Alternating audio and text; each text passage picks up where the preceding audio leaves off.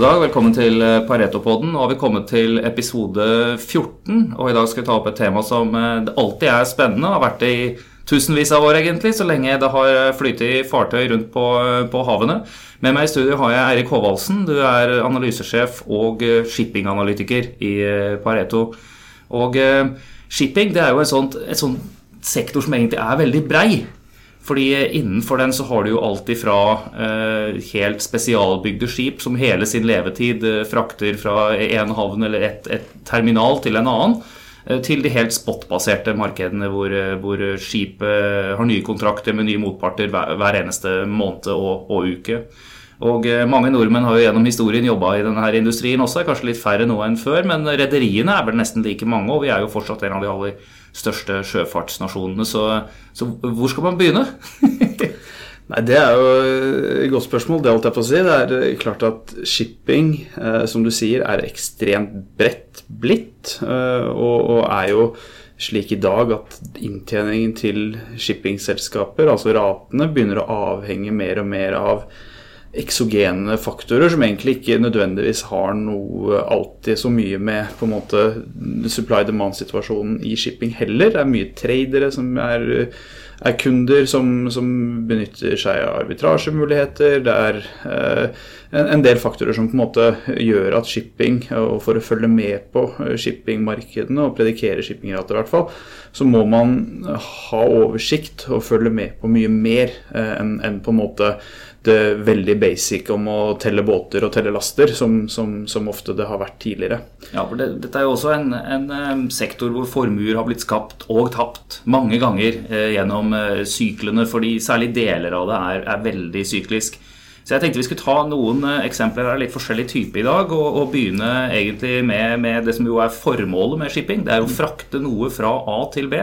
Du har ting som produseres eller er produsert et sted, og så skal det videreforedles eller selges et annet sted. Mm. Og Et av de selskapene vi har trukket fram her, som for så vidt har endret seg en del i det, i det siste, eh, er jo gode gamle Wilhelmsen, som jo har fusjonert med et, et annet rederi, og nå er på børs under VVL eller Valenius Wilhelmsen Logistics, hvor jo logistikk nettopp er synliggjør det at, at dette handler om om frakt og noe mer enn bare, bare shipping. Kan de gi oss en liten intro til, til ja, det altså Valenius Wilhelmsen, da, som, som, som, er slått sammen av to altså selskaper som også har vært partnere, svenske Valenius-familien og norske Wilhelmsen-familien, uh, er jo blitt et av Oslo Børs faktisk større selskaper. Um, og, og, deres hovedgeskjeft da, uh, i frakt er jo bilfrakt. Mm. Det er på en måte det de har Eh, vært store på de siste tiårene. Eh, verdensledende. Eh, mye frakta som selvfølgelig av bilvolumer, som produseres mye i Asia og, går til Europa. Men, men, det også, fraktbildet der, blir jo eh, veldig komplekst. Eh, mer og mer komplekst. Så hvis man ser på Wilhelmsens volumer i dag, så er det ca. 75% av det de frakter. Mm. Um, Havna i Drammen er et av de stedene hvor sikkert nettopp, dette her havner nå. Nettopp. Ja. Og det er, uh, det er jo en, en, en, bilbransjen i seg selv, som, som, som du Oskar vet mye om, er jo i, stor endring. Uh, med selvkjørende biler, med Tesla-biler. Så det er jo uh, den, den tradisjonelle Det vi ser, da, er at bilvolumer på de tradisjonelle rutene til Gyllelsen, det øker ikke. Så det VVL har sett, er at de må eh, bli best, og i hvert fall bedre, på, på å kutte kostnader for å tjene penger. Mm. Så må de finne andre områder eh, hvor, man, hvor man har mer vekstmuligheter og bedre inntjening. Jeg så vel En av de tingene du trakk fram i, i, analysen, og som selskapet selv har understreket, er jo dette å ta bedre tak i, i begge endene av kan du si, selve shippingen. Altså det som gjøres før ting går på båt, og det som gjøres etter at det har rullet uh, av. Mm. Uh, og, uh, og, det er noe som forventes kan, kan, vokse litt fremover. Ja, og det er jo i dag blir jo det altså det er en, en relativt liten del, ca. 10% av driften i dag. Resultatet er, er, er knyttet til det som da er logistikkbiten her. og det er klart Der er det mye interessante muligheter fra på en måte å bli en, en, en vertikalt integrert spiller innenfor bilfrakt. Altså som du sier, du tar, tar bilen, du, og når du kommer til Drammen da, så kan de være ansvarlig for toll, tolling av den bilen. Eh, de kan installere GPS på norsk når du kommer inn der, eller da nederlandsk eller tysk eller hvor det nå er du, du, du, sender den bilen. Som gjør at du på en måte gjør jobben enklere for si din kunde er BMW, da, som, som kan på en måte stole på at Wilhelmsen fikser mye mer enn den tradisjonelle eh, fraktbiten, som, som, i prinsippet alle med en, en, en, en, bilbåt kan gjøre. Det er ikke mange det, men, men det er i hvert fall flere enn en, en, som har muligheten til å gjøre dette integrerte. Så, så det innenfor logistikk, som også klart er eh, terminaler, som er noe som på en måte er mindre syklisk enn shipping. Mindre eksponert for en fremtidig eh, Nå er ikke det noe stor risk på bilfrakt i dag, men i hvert fall mindre eksponert for en fremtidig overbygging av segmentet. Eh, så, så Wilhelmsen har jo vært en aksje som har vært veldig populær siste året, og, og noe vi ser. Og det er klart den andre biten, da, når vi, når vi sa at si 10 eh, av inntjeningen i driften, det er dette logistikkbiten. Mm. Og av den resterende 80% av driften, så, så er ca. 75 som jeg sa, av volumene, ikke inntjeningen, for de har lavere inntjening på bilfrakt, men 75% av volumene er da bilfrakt. Det resterende 25 ca. i dag er dette som heter high and heavy. Eh, og det er noe som Høyt og tungt. Høyt og tungt. Eh, og det er egentlig vanvittig store maskiner. Det er trøkker, det er Hvis man ser på en måte mine, gruvedrift i Australia, så ser du av og til bilder av sånne enorme lastebiler som, som ikke kan fraktes på vanlige skip. Og Wilhelmsen har, er egentlig enerådende, nesten på no, frakt av noen av disse vanvittig store eh, eh, maskinkomponentene. Eh, Enten det er ferdige trucker, eller om det er lastebiler, eller dere til lastebiler, eller om det er togsett. Altså De kan frakte det meste da, som, som, som må fraktes på, på, på, på, skip, og som er verdifullt. Så du må frakte det på en ordentlig måte. Eh, og, og det er igjen et segment som Eh, er etterspørselen etter den type varer altså Største kundene da er typisk Caterpillar i USA, mm. Dare, som er verdens største traktorprodusent, Volvo, som lager trucker. Altså det, det, er you name it, på en måte. Det er de store kundene. Og Der har vi jo sett på børsen eh, i år, eh, og, og, skjønner hvorfor Valenius Wilhelmsen da blir på en måte et sånt litt sånn makrobett eh, underliggende. Eh, fordi disse selskapene har jo kontinuerlig økt sin guiding. De har hatt store salg. Eh, og igjen, underliggende der er jo økt etterspørsel i verden, rett og slett. Ja, ja, ja. Bedre økonomisk og, vekst.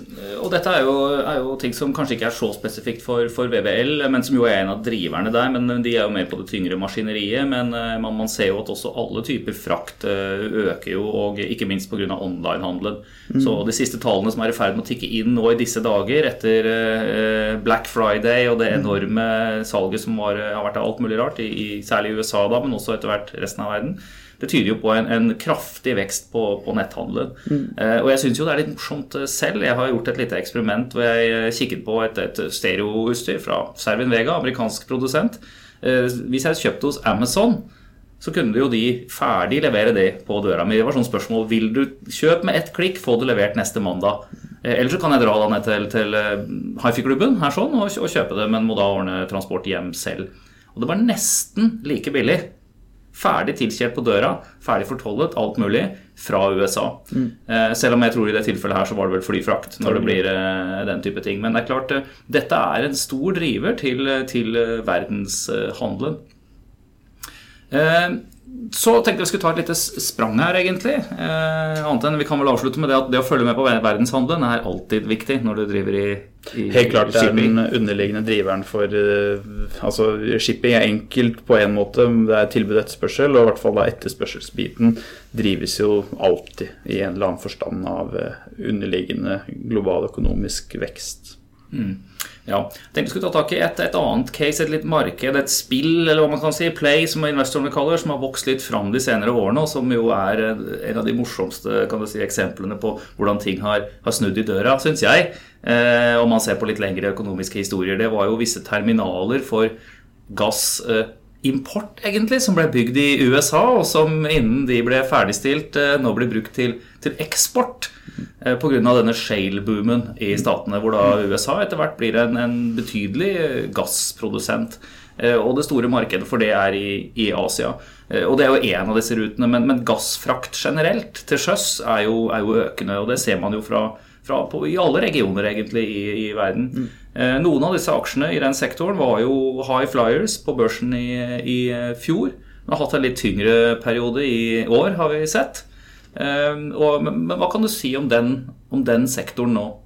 Altså det, det, er to typer her. Det, det, de som har vært mye i fokus på Oslo Børs de senere år, har jo vært disse LPG-aksjene, som frakter propan og butan, som, som er én type gasser. Eh, men, men, det vi ser nå som kommer eh, i større grad, er, er LNG og LNG-volumene, som da er egentlig ren metangass, altså liquefied natural gas, um, mm. som er mye mer komplekst å håndtere. Altså Forskjellen på LPG og LNG er eh, at LPG kan du egentlig bare sette under trykk, så blir det liquid, eller du kjøler det ned til minus 50-60 grader.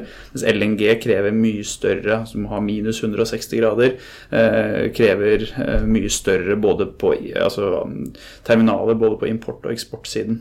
Eh, og det man har sett, disse, disse eksportterminalene som du her nå nevner som egentlig skulle være importterminaler. Det skulle jo gå gass fra Snøhvit til, ja. til, eh, til Mexicogolfen og inn, inn, inn, på Texas. Eh, men, men, det vi har sett i senere år, er jo igjen, som du nevner, shale-boomen fra 2011-2012 og, og, utover har gjort at naturgassprisene i USA innenlands der bruker man det som strømkilde i stor mm. grad. Både på varming, oppvarming osv. Eh, naturgassprisene har vært veldig lave sammenlignet med resten av verden. Eh, rett og slett fordi man Overskudd av gass? Ja, man, man, man må bli kvitt det. Og da, da, da, da, mm. selger man det. Du, men så har det vært en del, bl.a. Genier i USA, som er et stort selskap, som har investert i disse første LNG-terminalene. Eh, eh, som koster titalls milliarder dollar å bygge. Altså store, store, investeringer. Og det er klart det er mye volumer det er snakk om. Um, og som du sier også, så, så det vi har hatt eh, på eh, global LNG-siden, hvor man ser en helt klart strukturell, stor vekst i etterspørselen, særlig drevet av Kina. Altså dette her er jo Eh, en, en, en, renere, mye renere kilde til energi enn en kull, som mm. typisk er på en måte eh, alternativet. Eh, så både fra Kina, som har eh, hatt kraftig vekst i importen i år, India har vekst i importen, du ser det i Bangladesh, kommer til å begynne å importere. Pakistan har begynt å importere og vil ha mer. Eh, I tillegg til at du har de på en måte mature landene, som i Sør-Korea og Japan, hvor du også har hatt en, faktisk en vekst i importen i år. Um, til tross for at økonomiene der ikke, ikke vokser med, med samme, uh, samme, hastighet. Så det vi ser, er, er, er, en stor økning i etterspørselen i Asia, og at tilbudssiden, når man har hatt historie, så har dette vært Midtøsten som har produsert. Ja. Så kom Australia, prosjektene der har kommet on stream de siste par årene. Og nå den neste eh, store regionen som kommer, og som har begynt å komme, det er da eh, USA. Og der er det egentlig så enkelt som at du, du bygger enorme eh, kjøleskap som hooker til da nettverket eller griden i USA, og egentlig bare skru på og liquefy det, og så sender du det med båter mm. til Asia. Um, og slike båter uh, har det vært bygget mange av. Uh, det har vært et veldig oversupplied, som vi kaller det. Uh, over, hva heter det på norsk? et, et, et, et overbygget marked. Og Det er noe av det som skaper denne sykkelkvaliteten i, mm. i, shipping. For når det er litt for få båter, så skyter ratene til værs, og mm. da tjener rederne veldig mye penger. Og er det én ting en reder En reder med ti båter, mm. han har gjerne lyst til å være en reder med 15 båter. Det vet jeg. Og sånn er det i, i, i dette markedet. Så mm. når alle bestiller, så går det en liten stund, og så har du nedturen igjen. Eh, mens egentlig den underliggende etterspørselen kan jo være ganske stabil, og stabilt voksende til og med. Så man skaper jo dette her selv til en viss grad på tilbudssiden, disse, disse svingningene. Mm. Og det, vi, det, som skjedde i LNG shippingmarkedet, var jo egentlig det at uh, Eh, det har alltid vært altså, Dette begynte Høg med, faktisk, norske eller Høk. Eh, begynte med for eh, snart 50 år siden. Og det markedet har vært veldig industrielt. Og det er naturlig når du gjør så store investeringer på eksportsiden. Så selger du gjerne 90-95 av gassen til et land eller et selskap på forhånd, så du vet sånn cirka hvor det skal gå, og hvor mye som skal gå. Eh, og så begynte man å se antydninger til at det spotmarked som var litt voksende, eh, men det spotmarkedet, det lille som da har vært 10% av total LNG-volumet, kanskje, mm. det eksploderte fullstendig etter eh, faktisk den tragedien som vi hadde i Japan, Fukushima-tsunamien i Ja, de 2011. stengte ned alle kjernekraftverkene. Nettopp. Mm. Og da begynte, da fikk du på en måte en, en stor vekst over natten, egentlig, i, uh, i etterspørselen. Og de volumene måtte tas fra et sted. Eh, og det på en måte eh, ødela litt. eh, skapte en sånn friksjon i handelsmønstrene. Og egentlig det vi ser, er at, eller det man alltid vet, er at alle friksjoner i handelsmønsteret er egentlig bra for shipping. Fordi shipping har en tendens til å være så optimalisert som mulig. Så når det er et eller annet disruptor, så, så blir det bra, gitt at det ikke selvfølgelig er mindre etterspørsel. Um, og det som skjedde da igjen, selvfølgelig, når du da i 2012 kunne chartre ut et skip på, som du hadde kjøpt for 200 millioner dollar, det kunne du chartre ut i tre år og tjene 140 på. Da ble det selvfølgelig bestilt masse skip. ikke sant? Du får eh, du har fire-fem års payback på et skip som kan vare i 30 år. Da ble det naturligvis bestilt mye. Eh, og det på en måte gjorde at markedet falt utover 2014, falt virkelig i 2015 og vært helt forferdelig i 2016. Og også vært ganske tungt i 2017. Men så har vi hele tiden sett disse volumene komme, disse amerikanske eh, prosjektene komme. Vi vet at de kommer, men vi har på en måte ikke sett det i markedet før nå i høst. Og Det som har skjedd nå i LNG-frakt i høst, som typisk er aktuelt for Flex LNG her på Oslo Børs um, Golar LNG, som er dette Trøim-backede selskapet som ikke lenger er listet Oslo, i Oslo, um, det er jo vanvittig oppmuntrende. For i høst så har spot-ratene gått fra uh, 30 000 dollar dagen, hvor du på egentlig ikke har noe særlig avkastning. Du dekker knapt nok Du dekker litt av du dekker oppveksten din og litt av rentene, men du dekker ikke på en måte gjeldsnedbetaling. Til at nå i det siste så er det gjort slutninger på 75 80 opp mot 100 000 dollar dagen, hvor du igjen da har kjempegod inntjening.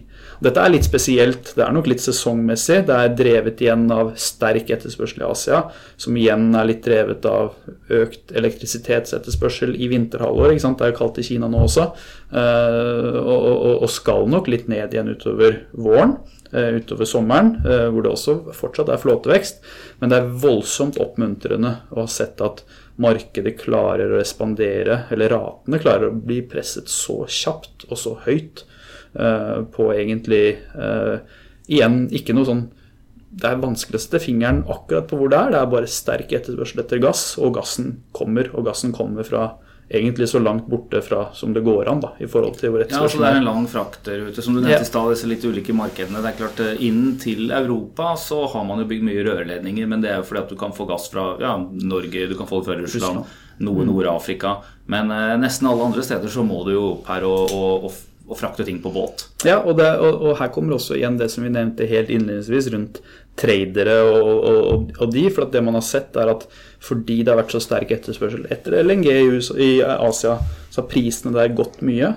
Og gått mer eh, Den spredden da, i gasspris som du betaler implisitt for å importere en last LNG i Asia, mot f.eks. hva det koster å kjøpe gass på kontinentet i, i Europa, den har gått, blitt veldig vid. Og da ser du at tradere med en gang lokker inn disse arbitrasjene og laster som da skulle egentlig gått til Spania eller til Sebrygge i Belgia. De, de, de ender opp med å gå heller til, til, um, til Asia, da. Som igjen tar opp masse shippingkapasitet, fordi det er uh, ekstremt mye lengre laster. Det er gjerne sånn med rater at det er når det begynner å bli litt tight på kapasiteten, det er da de, eh, de går opp. For tross alt, i forhold til verdien på en sånn last, så er jo som regel shippingkostnaden ganske liten. Ganske liten.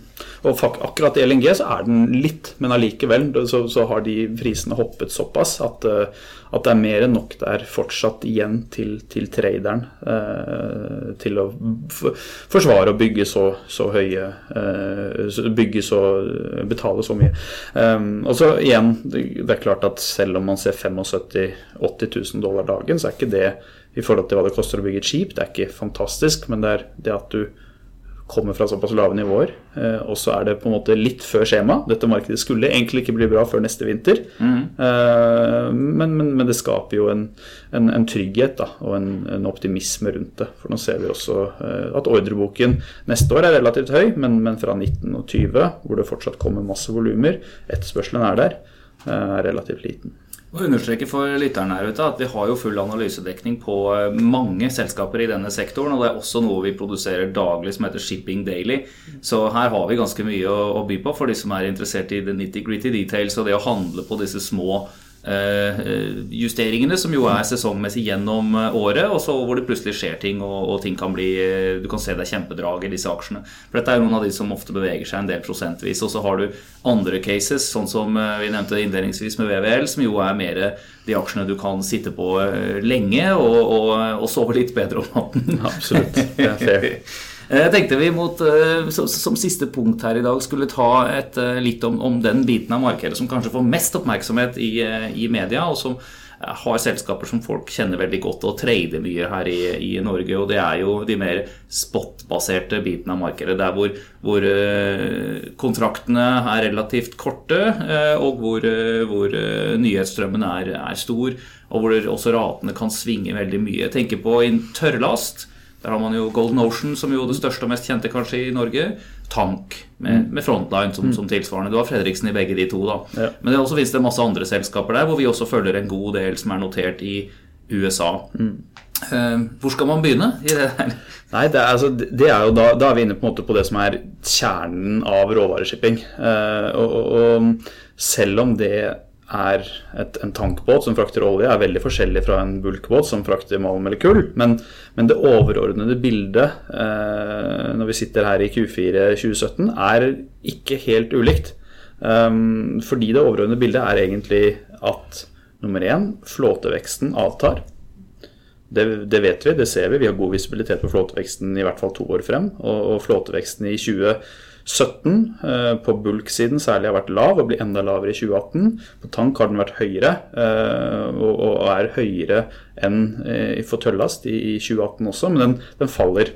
Hva er den typiske visibiliteten på, på dette? Altså, man, ordreboken her er jo mm. skip som er bestilt av ja. en eller annen så rederi som presumptivt fortsatt er der og skal ja. motta den. Det vi, det vi, ser nå, er at ordre er inn i 2020.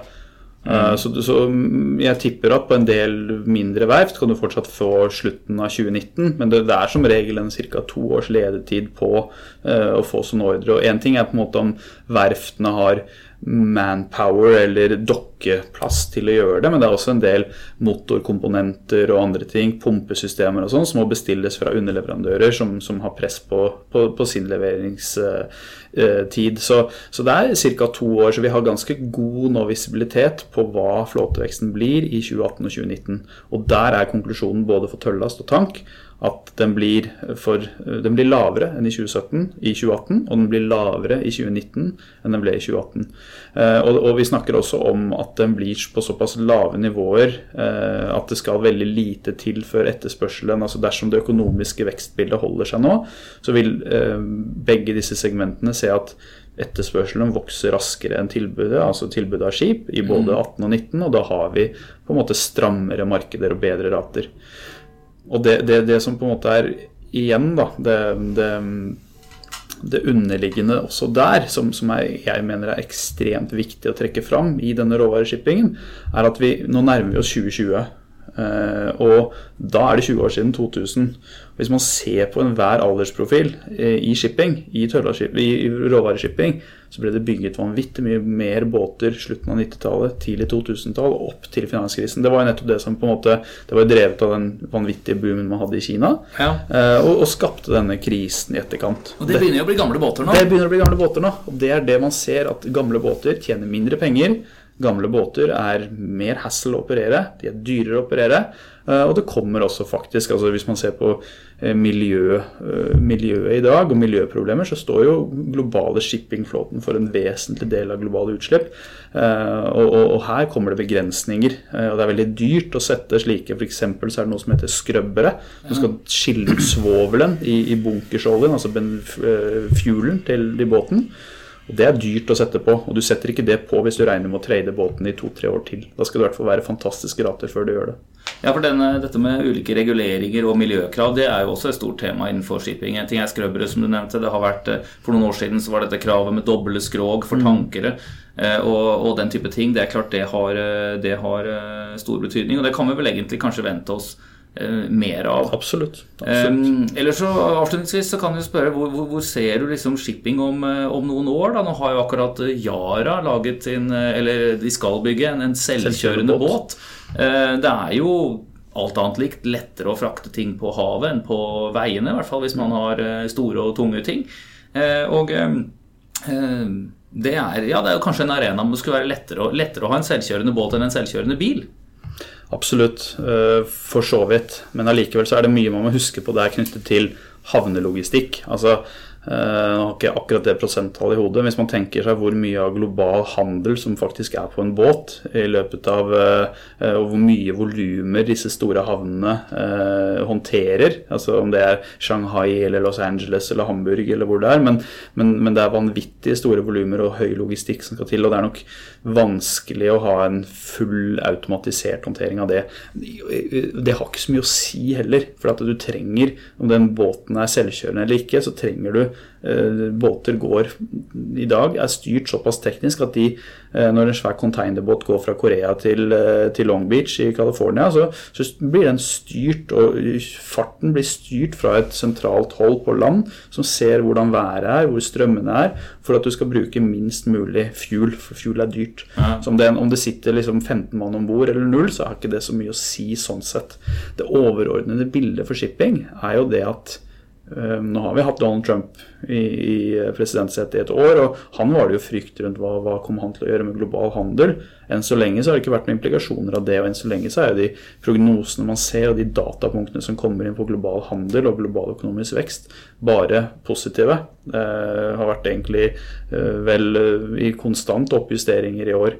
Eh, og når du ser det bildet og ser at den høyeste veksten eh, på etterspørselssiden, enten det er konsum av eh, mobiltelefoner eller plastposer eller eh, kjemikalier, så, så, er det Asia. Mm. Det er der veksten er. Og ikke bare Kina, da, men bredere Asia. Bredere Asia. Mm. India kommer jo som nummer to, ikke sant? og India tar lengre tid og er mer problemer og mindre effektive enn det kineserne er, men det, det kommer, og det ser vi allerede på en del råvarer, men ligger noen år bak. Eh, men samtidig så ser vi hvor kommer, hvor produseres ting. Det produserer jo faktisk stadig vekk mer og mer av i Atlanterhavet, i Atlanterhavsregionene. Eh, og særlig USA er blitt en stor eksportør av eh, alt av råvarer, og også nå etter hvert kjemikalier. Så det gjør at fraktdistansene øker. Så det vi ser er at shipping generelt og innenfor de fleste segmenter ser ut til å kunne vokse raskere enn global handel fremover. Hvis man parer det da med utsikten til at det er lav flåtevekst. Flåten er eldre. Eh, det er lite kapital villig. altså Alt man hører om shippingbanken, Nordea og DNB, de skal jo ut eller i hvert fall redusere eksponeringen sin. Så tilgangen på kapital blir også lavere den kommer alltid tilbake hvis ratene blir bra nok, men, men da må ratene bli bra nok. Da og da blir, uh, da blir inntjeningen høyere uh, og aksjekursene høyere uh, før det skjer. Så, så, det overordnede bildet for det meste av shipping i slutten av 2017 er egentlig ganske bra, gitt at global økonomisk vekst fortsetter å, å vise de takkene det har gjort egentlig det siste året.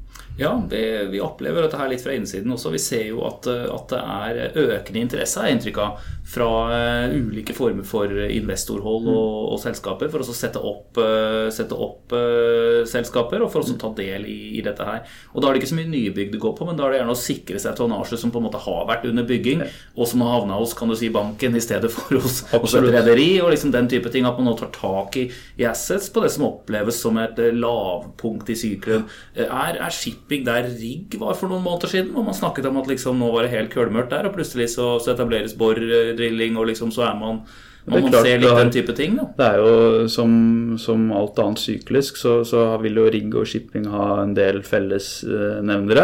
Eh, det er selvfølgelig langt kortere sykler i shipping. Det er uh, mer, mer homogene produkter. Altså, nå er det veldig bredt shipping som vi snakka om, men som sagt, mm. den biten av det, da, den mest sykliske biten av det, der ser man jo litt av de tendensene Absolutt. Absolutt. Så konklusjonen her er at det er mye spennende i shipping. Vi har i hvert fall en del vi produserer på dette her daglig. og Eh, det vil være noe å finne for enhver som, eh, som er interessert i dette, her, både på, på, lang sikt og på, på kort sikt. Det er, eh, det er, vår mening. og syklene blir, det er klart På kort sikt er det alltid muligheter i shipping. Den ene eller den andre veien. Men på lang sikt er det nå også kanskje lettere enn på mange år å, å se for seg at ting kan bli bra i et ett- og to- og treårsperspektiv. Jeg tror vi lar det være de siste ordene gangen. sånn. Tusen takk til Erik Håvaldsen for den gjennomgangen. Og til dere der ute, gi gjerne noen positive kommentarer hvis man likte dette her. Del det til, til andre. Vi syns det er gøy å produsere innhold som folk har bruk for og lyst på, og kommer til å fortsette med det. Ha det bra.